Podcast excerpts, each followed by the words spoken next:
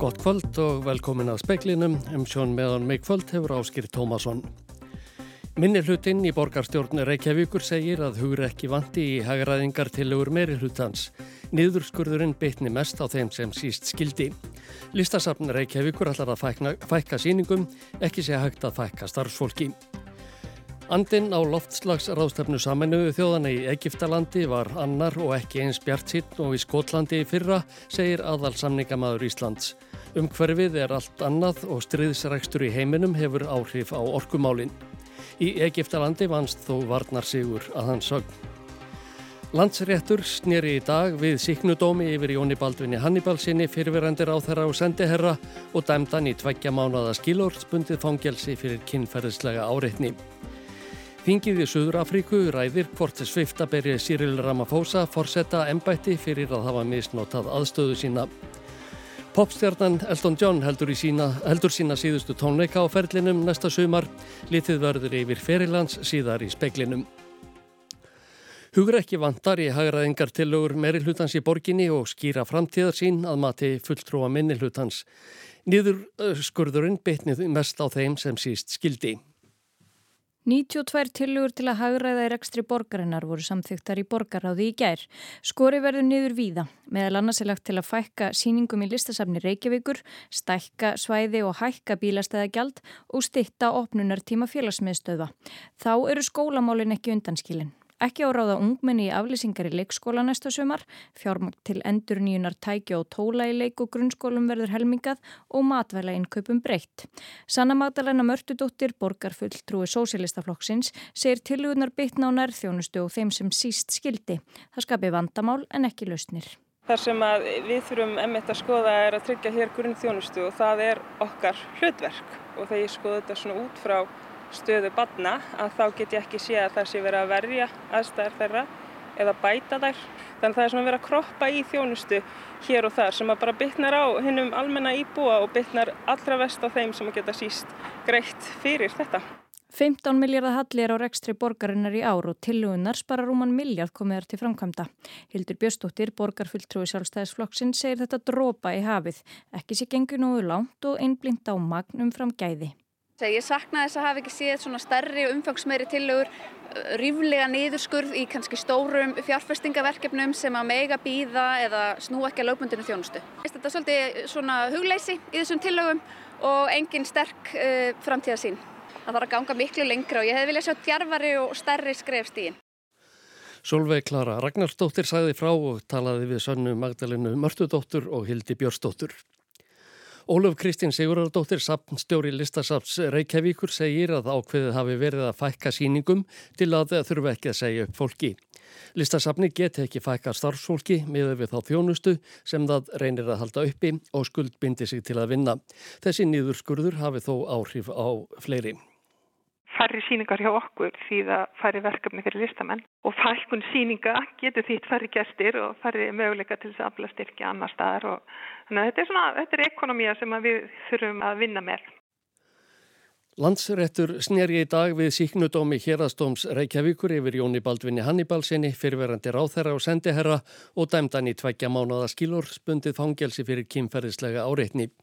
Það var vísir.is sem greindi fyrst frá dómnum. Vilhjálmur Há Vilhjálmsson, verjandi Jóns Baldvins, segir að sótt verði um áfríunarleifi til hæstaréttar. Venjan hefur verið svo að þegar síknudómi í hérraði er snúið í sakfellingu í landsrétti, fælst hæstaréttur yfirleitt ábeðinni um áfríun. Jón Baldvin var ákjörður fyrir að hafa strókið Carmen Jóhannsdóttur utan klæða á rassi á heimili hans í Granada á Spáni árið 2018. Hann hefur alla tíð haldið fram sakleysi sínu og sagt að brotið hafi verið sviðsett. Framtíð Cyrils Ramaphosa, forsetta Suður Afríku, hangir á blártræði. Hann er í nýri skýrslu sakaður um að hafa misnotað aðstöðu sína með því að leina þjófnaði á búgarði hans. Jafnvel sé hugsanlegt að hann hafi brotið lög. Þingið skoðar hvort svifta í forsetan ennbætti. Málið kom fyrst upp í júni þegar laureglan fekk ábendingu um að Ramaphosa hefði haldið peningaþjófnaði á bóndabæ sínum leindum. Sá þjófnaður átti sér staði í februar 2020 og segir skýslana jafnverði 570 miljóna íslenskra króna í reyðu fyrir hafi verið stólið. Peningunum hafi verið komið fyrir inni í sófa. Í stað þess að tilkynna þjófnaðin til lauruglu létt Ramaphosa ræna innbrótstjónum og mútaði þeim síðan til að þeia yfir öllu saman, segir í skýslu um álið. Skýsluhöfundar telja hann með þessu hafa misnotað aðstöðu sína sem fósetti og mögulega brotið spillingalög. Ramaphosa segir að upphæðin sem stólið var sé mun læri, jafnverði 80 miljóna króna. Þetta hafi verið peningar sem hann hafi fengið fyrir sölu á nautgripum. Til stóða hann svaraði spurningum á þingi í gærin því var frestað. Talsmaður Fossetan segir að málið sé nú til umræðu innan afríska þjóðarásins Floks Ramaphosa. Þingið tekur svo skýsluna fyrir á þriðjudag og í kjölfarið er hugsanlegt að greitt verði atkvæði um hvort vika eigi honum úr ennbætti. Ramaphosa tók við ennbætti Fosseta árið 2018 af Jacob Zuma sem var fundin segur um margskonar spillingu. Hann lofaði því þá að uppræta allt slíkt. Nú á hann á hættu að vera þriðji leðtogi afríska þjóðaraðsins sem þarf að hverfa úr ennbætti fyrir spillingu. Hallgrimur Indriðarsson sagði frá. Starfsgreinasambandið, yðn og tæknifólk og við sem endur þeirra sitja hjá samtökum atvinnulífsins sitja enn á fundi hjá ríkisáta sem að fundað verður fram á kvöld samkvæmt upplýsingum frá ennbættinu. Fundurinn hófst klukkan eitt í dag og saði Kristján Þórður Snæbjarnarsson, formaður rafinnaðarsambandsins fyrir í dag úrslita stund um gang kjara viðraðina runna upp og hvort samningar séu að nást. Á þriðja hundrað börn á flóta verða á Íslandi yfir jólinn og hafa aldrei verið fleiri. Hjálparsamtök sem gefa börnunum jólagjafir þykja viljuar hjálparhendur í verkefnið sem er stort í ár. Yfir 250 börn á flótta verða á Íslandi yfir hátíðinar. Sum þeirra fyldar laus. Hefð hefur skapast fyrir því að hjálparsamtökin Solaris gefi börnum á flótta jólagjafir til að glæðja þau í byðinni og óvissunni.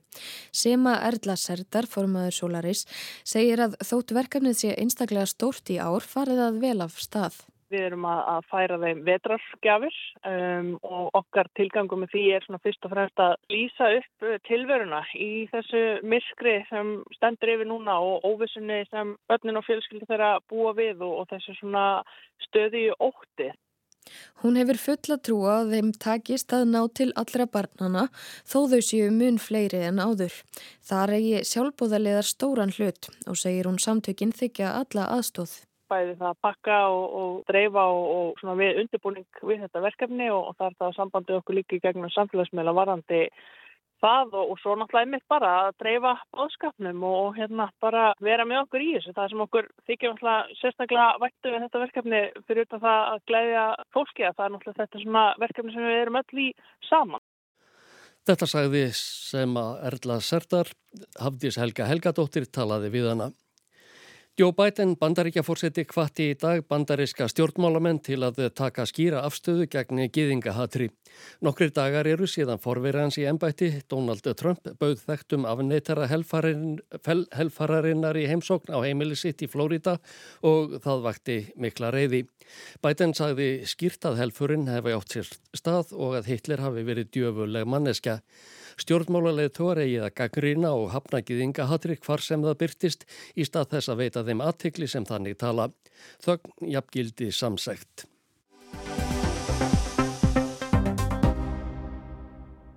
Fátt varpar sterkara ljósi á afleiðingar lofslagsbreytinga en áhrif þeirra á börn.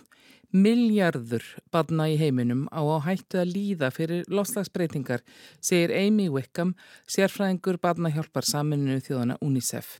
Hún var gestur og opnum fundi UNICEF og Íslandi, ungra umhverfi sinna, félagssaminuðu þjóðana, höfða friðarsetturs og stopnunar sæmundar fróða við Háskóli Íslands. Þar sem farið var yfir niðurstöður COP27 ráðstöfnunar sem lauk í Egiptalandi fyrir tæplega tveimur vikum. Vikam segir auðvitað ákjásanlegra að við mótun lofslagstefnu sé hort til badna en nýlega hefur UNICEF farið yfir og greint stefnur á annað hundrað landa í lofslagsmálum og sér þar að aðeins þriðjungur þeirra vísar til badna þó svo að þar megi samt sjá jákvæða þróun á síðustu missurum því að virkja eigi rattir og skoðanir badna og ungs fólks í þessum málum. They're so incredibly informed and the ideas and the innovative solutions that they are coming up with need to be supported. Ekki síst í ljósi þess að þau eru mörg hver svo vel að sér um láslagsmálinn. Hugmyndir þeirra og lausnir gætu varðað veginn og þörfin er brín. If this was all working in the right direction we wouldn't need there to have been a 27th COP. Ef við værum á réttri leið hefði ekki þurft 2007. lofslagsrástefna, segir Vikam. Og það hefur verið vonbrið að sjá hver hægt hefur gengið í því að finna fér til að milda afleðingar. Lofslagskrísan er börnum skadleg og það verður að styrkja innviði og félagstjónustu sem þau þurfa á að halda svo þau getur notið mentunar og helsu svo nokkuð sé nefnt. En hún segir að skadi fyrir börn er þegar komið fram. There are at least a billion children who are already suffering from the impacts of climate change and that's only going to get worse. Miljardu barna líður fyrir losasbreytingar og staðan á bara eftir að versna, segir Veikam. Helga Barðadóttir sérfræðingur í umhverfis orku og lofslagsaraðunetinu sem fór fyrir samninganemdi Íslands á COP27 í Egiptalandi segir að stærstu skrefin þar hafi verið ákverðun um stopnun lofslagsbóta sjóðs. Sjóð sem á að bæta þeim ríkjum sem verða helst fyrir barðinu og breytingurnum tjón sem þar verður til dæmis þegar fellibiljir fara yfir. Stórir viðbyrðir sem hafa mikil áhrif á innviði og, og líf og, og störf fólks og þá er þess að tekin ákverðun um að stopna þennan sjóð Það er ekki hins vegar búið útfæra nákvæmlega hvað, hvað það þýðir. Þá eftir að finna út nákvæmlega hvernig verður greittinn í sjóðin, hvernig verður útlutáðu sjóðunum og það er, verður starf núna næsta árið sem á að taka á þessu málum og koma með tilugur fyrir næsta fund um, um útfærslu á þessum sjóði. En þetta þykir mjög stórt skref, mjög stórt skref verið stíð hvað þetta varðar. Svo við horfum heim, hefur verið tekin á afstæða af Íslandshálfum, hvað varðar þáttöku í þessum sjóði? Það verður bara gert þegar að liggur fyrir nákvæmari útværsla á þessum sjóði, hvernig verður tekið þátt í því, en mér finnst mjög líklegt að Ísland muni horfa til þess að taka þátt í þessum sjóði. Við höfum verið að auka framlug til loslasmála á allþjóða vettfangi, tökum núna þátt í að greiða í aðlugunarsjóðin svo kallaða og við erum að greiða í græna loslasjóðin, þannig þetta er svona bara verður stór, bara verður skoðað í heildrænt þegar það er að kemur. Hvaða fjárhæðir er verið að tala um í samhengi? Gríðarlega stóra fjárhæðir. Ég er ekki með það á takteim, menn það eru mjög stóra fjárhæðir sem þarna liggja baki. Sem, það geta komið fyrir byrðir sem verða stórir, segjum bara stórir fellibiljir sem að geta bara algjörlega eitt húsum og öllum yðnaði, öllu sem öllu líf og starfi fólks. Þannig að það, það, það kostar gífilega mikið að byggja það upp og þetta eru peningar sem þurfa að koma hratt. Þetta er bara eins og við með viðlegarsjóð. Þú veist, ef það verður eldgósi eða jarðskjálti á Íslandi, þá, veit, þá þekkjum við það. Hvað þarf að gera þegar, til að bregðast svoleiðis við? Þetta er eins og viðbyrði, viðbyrði sem eru kannski af öðlum skala og kannski e, e, eitthvað sem við þekkjum ekki alveg eins vel, en til dæmis snjóflóð við náttúruhanfarir sem að það er að bregðast til líka við. Af þeim fregnum sem bárust að fundunum í Egiptalandi þá tölvöld mikið talað um það að það væri tókstreita og kannski ekki síst í ljósi bara orgu kreppu sem við værum komin inn í og menn vildu hverfa frá einnar og hálfra gráðu viðmiði.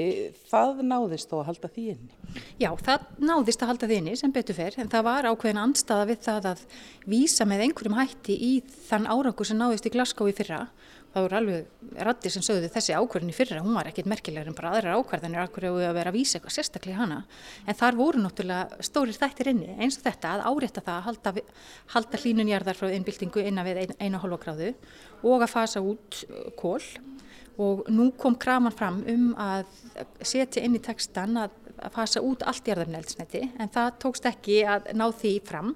En það voru hins vegar mjög mörg ríki sem að settu fram þá kröfu og þetta er vaksandi krafa og bara að spjá hvað, hvað verður. Næst, það er hérna spurning. En þetta geti alveg endur speklast þessi andstaða núna í, eins og þú vísar í, það er orkukreppa í heiminum og menn er að horfa til nýra lausna en það þarf náttúrulega að, að við þurfum að losna við erðum með eldsniti og það er, ég held að það allir sem að horfa með raunsægjum augum á þetta mál þá það er augljóst að við þurfum að losna við erðum með eldsniti. Íslendingar búa við það að húsitun og ramagn er fengið með endur nýjanlegra orkamestu og það er eftir sokna verðt. En bílaflottin er enn knúin að mestu leiti á jarðefna eldsneiti, bensínu og dísli þó að við séum í öðru sæti í heiminu með innleðar af bíla samt er stort verkefni eftir fiskiskipin og flutningarnir. En var andin annar í Egiptalandi en í Skotlandi fyrra?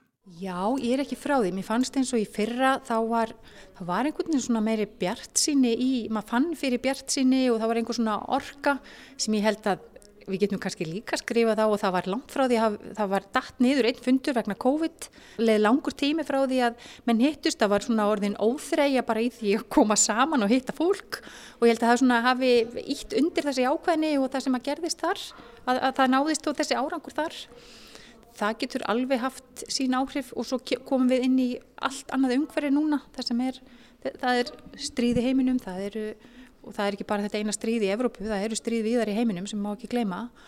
Það hefur áhrif á orku, orkumálinn sem að hafa svo aftur áhrif inn í loslasmálinn. Fórum en svektir heim frá Egiptalandi?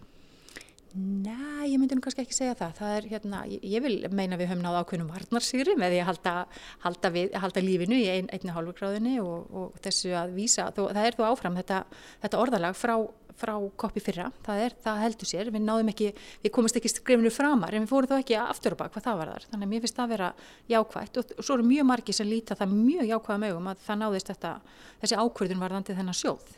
Þannig að það er, það er mjög stórt mál.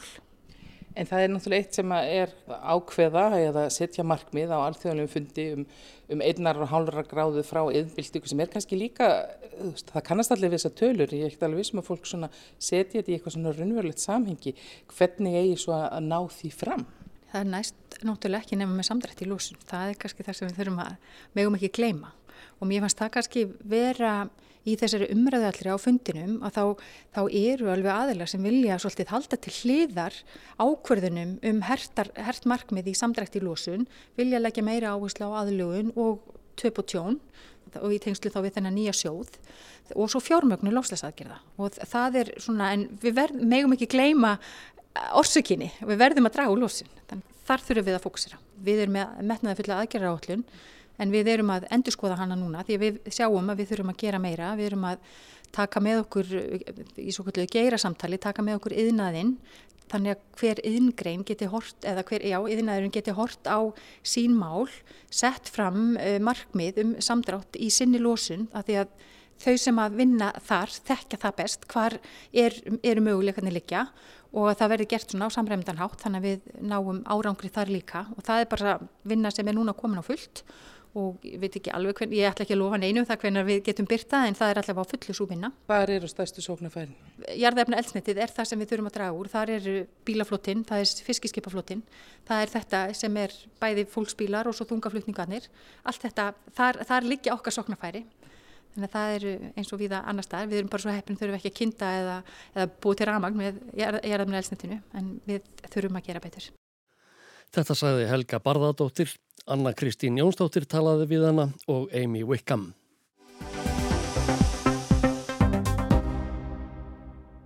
Alvarlegur sjúkdómur er komin upp í hrossum. Sjúkdómurinn er óþektur en einkennin eru ansi svæsin. Veikin greindist í 13 hrossum í 30 hrossa útigangsstóði á Suðurlandi og þar af drápust 6 þeirra sem síktuðst. Matvalastofnun hefur varan ákakvart hugsanleiri útbreðslu. Beðið er niðurstöðu sínatöku úr hrossunum sem drápust. Sigriði Björnstóttir, dýraleknir hrossasjúkdóma hjá MAST, segir að sjúkdómur sem þessi hafi ekki greinst hér á landi áður.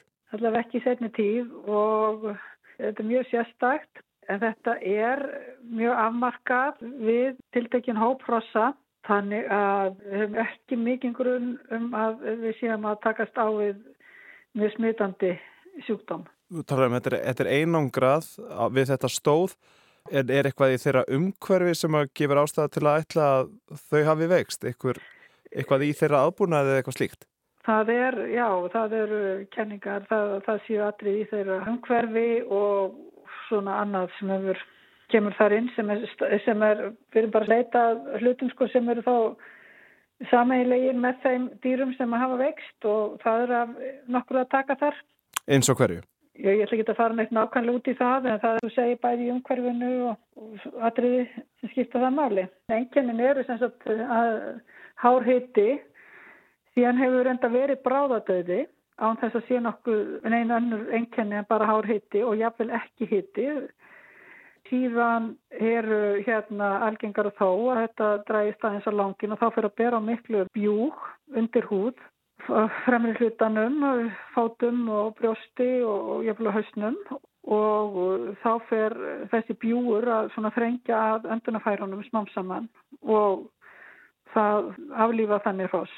Þannig að það er svona helstu enkennin og við hefum ekki séð sem sagt við krupningu stórsæjarbreytingar sem hafa síðan alveg útskýrt þetta nákvæmlega úr hverju þau drepast en um, gæti verið svona einhver eitrinur áhrif. Þér að rannsaka þessi hræ, hvenar kemur það í ljós hvað dróðu til döða? sko það sem að setna verðin að kröfu í gær og þá er, hérna, er verið að gera útbúa síni fyrir vefjaskoðu núna og það tekur svolítið tíma át af því það þarf að, að steipa það inn í vaks og ákveðin undirbúningu fyrir svoleiði skoðun sem tekur eitt og daga og þá er hægt að skoða þessi síni og þá vonandi fáum við út úr vefjameinafræðinni eitthvað mjög handfast. Sigriður vonar að niðurstaða sínatöku úr hræjónum skilin niðurstöðu öðru hvoru megin við helgina. En þarf að grýpa til einhverja raðstafana til að hefta útbreyslu. Við erum nú þegar með þessi hross í, í ákveðin einogrunn og gætum smittvarna í kringum þetta þannig að við erum nú þegar svona búin að gera þær ráðstafanir sem ættu duga til þess að hindra að þetta myndi bregðast út jáfnveg þó þetta væri smittandi en það fer bara eftir hver niðurstaðan er og hversu smittandi sjúkdómi erum að ræða. Getur þú líst því að sfyrir mér sko hvernig enginnin eru á þessum sjúkdómi og hvað, hvaða er, úr hverju drepast rásin? Já, en nú kannski ekki alveg vissum það. Hafið þið ávegjur af því að þetta breyðist út?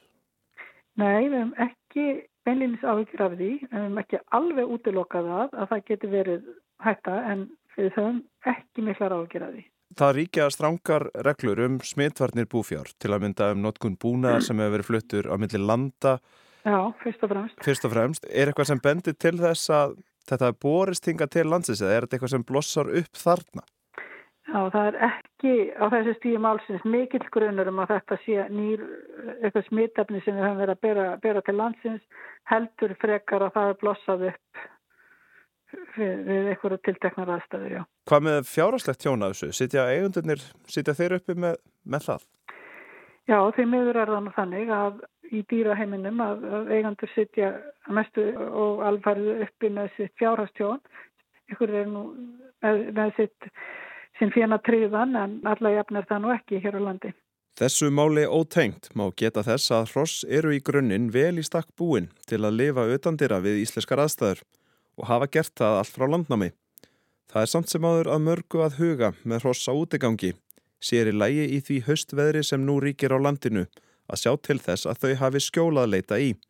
Snöggar fóðubreitingar auka hættu á meldingatröflunum sem geta endað með hrossasótt sem er annar sjúkdómur í hrossum. Því getur verið varhugavert að gefa fyrstu heikju vetrarnins rétt fyrir mikið óveður, þar sem ekki er auðvelt að fylgjast með heilbreyði hrossana eða koma þeim til hjálpar. Þá getur verið tryggara að þau standi af sér veðrið og fái góða kjöf þegar slotar, en það hafa þau verið á beit og ekki svöng þegar veðrið skall á, segir á VF matvalastofnunar. Bjarni Rúnarsson tók saman og talaði við Sigriði Björstóttur dýralækni hjá MAST.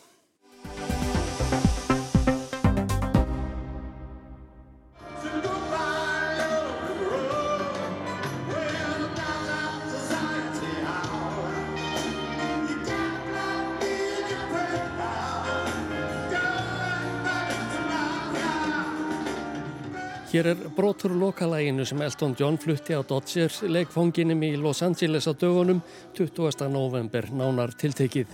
Hljómgeðin eru ekkert sérstök en það var lægið tekið upp á farsíma en upptakan er merkileg fyrir þær sakir að þarna lauk tónlistarferðlegans í Vesturheimi. Leikfangurinn var það sjálfsögðu fyrir valinu því þar hófst Sigur Gangans í bandaríkjónum árið 1975.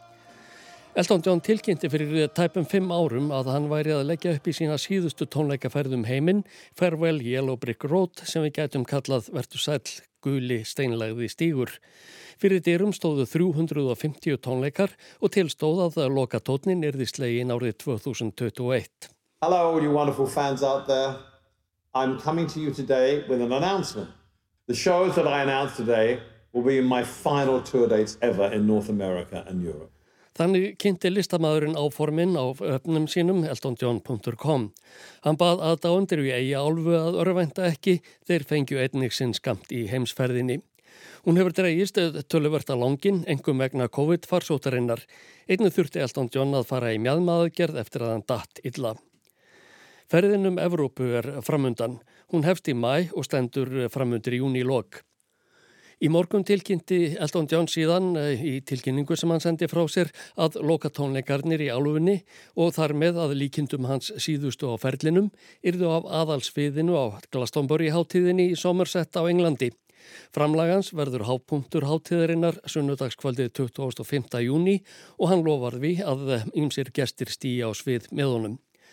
Þegar Elton John tilkynntu um loka tónleikaferðina var ástæðan ekki svo að hann væri búin að fá nóga af öllu umstanginu sem fyllt hafiði ferðli hans allt frá árinu 1962. Hann og eigin maður hans, David Furness, hafði fest ráðsitt og egnast tvo drengi.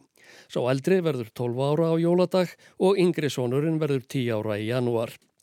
Elton John sagði að höfuð ástæða þess að hann ætlaði að hætta öllu hljómleikahaldi væri svo að hann vildi eiga fleiri stundir með sonunum. When you have children, it's all about them now. It's not all about me. So my touring schedules, my whole life will change because it has to. It's all about my children. Þetta sagðan í viðtalið við Irka sjónvarpsmannin Graham Norton og bætti við að sínirnir væri honum allt. Þau orð væri ekki til í enskri tungu sem lístu því hver mjög honum þætti vænt um þá.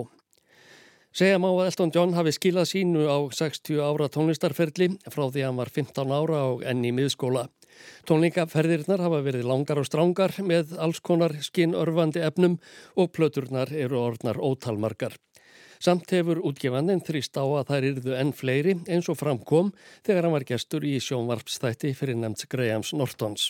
I've been making records since 1969 and I made a lot of records just for the sake of it. I mean, they wanted, record company, assholes, well, they wanted me to make Christmas albums and, you know, cover albums, Motown records, but that is so silly, you know. Uh, I'll leave that to Rod Stewart and people like that. Did I say that? Uh, yes, you Having said that, his album's doing much better than mine. Assholes! Fáir ef nokkrir listamenn hafa lagt jafn hart að sér við að skemta á horfundum og Elton John. Glerugu hans þóttu með ólíkindum og búningarnir einhverjir þeir svakalegustu sem sést höfðu. Einhverju sinni klætist hann meira að segja í Andrisar andarbúningi. Hann viður kendi eftir á að búningurinn hefði reyndar háðunum mjög við hljóðfaraleikin. En tónlistinn stendur vitaskuld upp úr.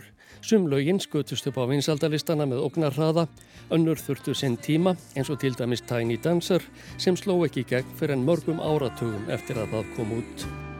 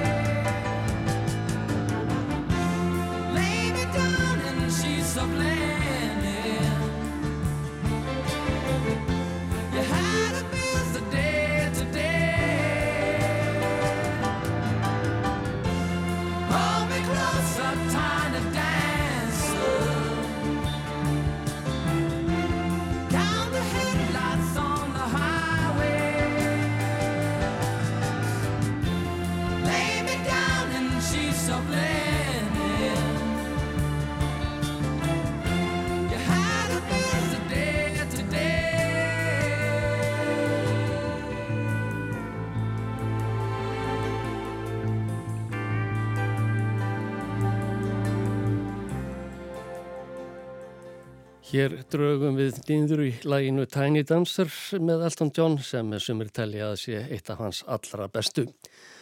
Og þá var það veðurhorfur á landinu til miðnættis annað kvöld, hæg söðulega átt og skúrir víða um land en bjart norðaustan til og kólnar í veðri. Hægir vindar og víða bjart viðri á morgun og hiti í kringum frostmark.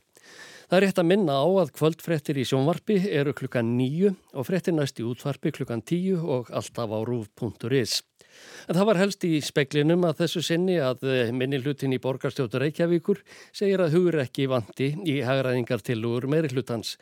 Niðurskurðurinn bytni mest á þeim sem síst skildi. Andin á loftslagsráðstefnu saminuðu þjóðana í Egiptalandi var annar og ekki eins bjart sitt nú í Skotlandi í fyrra, segir aðalsamningamæður Íslands. Ungverfið er allt annað og stryðisrækstur í heiminum hefur áhrif á orkumálinn. Landsréttur sneri í dag við síknudómi yfir Jóni Baldvinni Hannibalsinni, fyrfirendir á þeirra og sendi herra og dæmdan í tveggja mánada skilur spundið fangelsi fyrir kynferðislega áreitni. Þingið í Suður Afriku ræðir hvort svifta beri Cyril Ramaphosa forsetta embætti fyrir að hafa misnotað aðstöðu sína. Fleira er ekki speklinum í kvöld, tæknumar var Mark Eldred og frétta útsendingu stjórnaði Margret Júlia Ingimarsdóttir. Verðið sæl og góða helgi.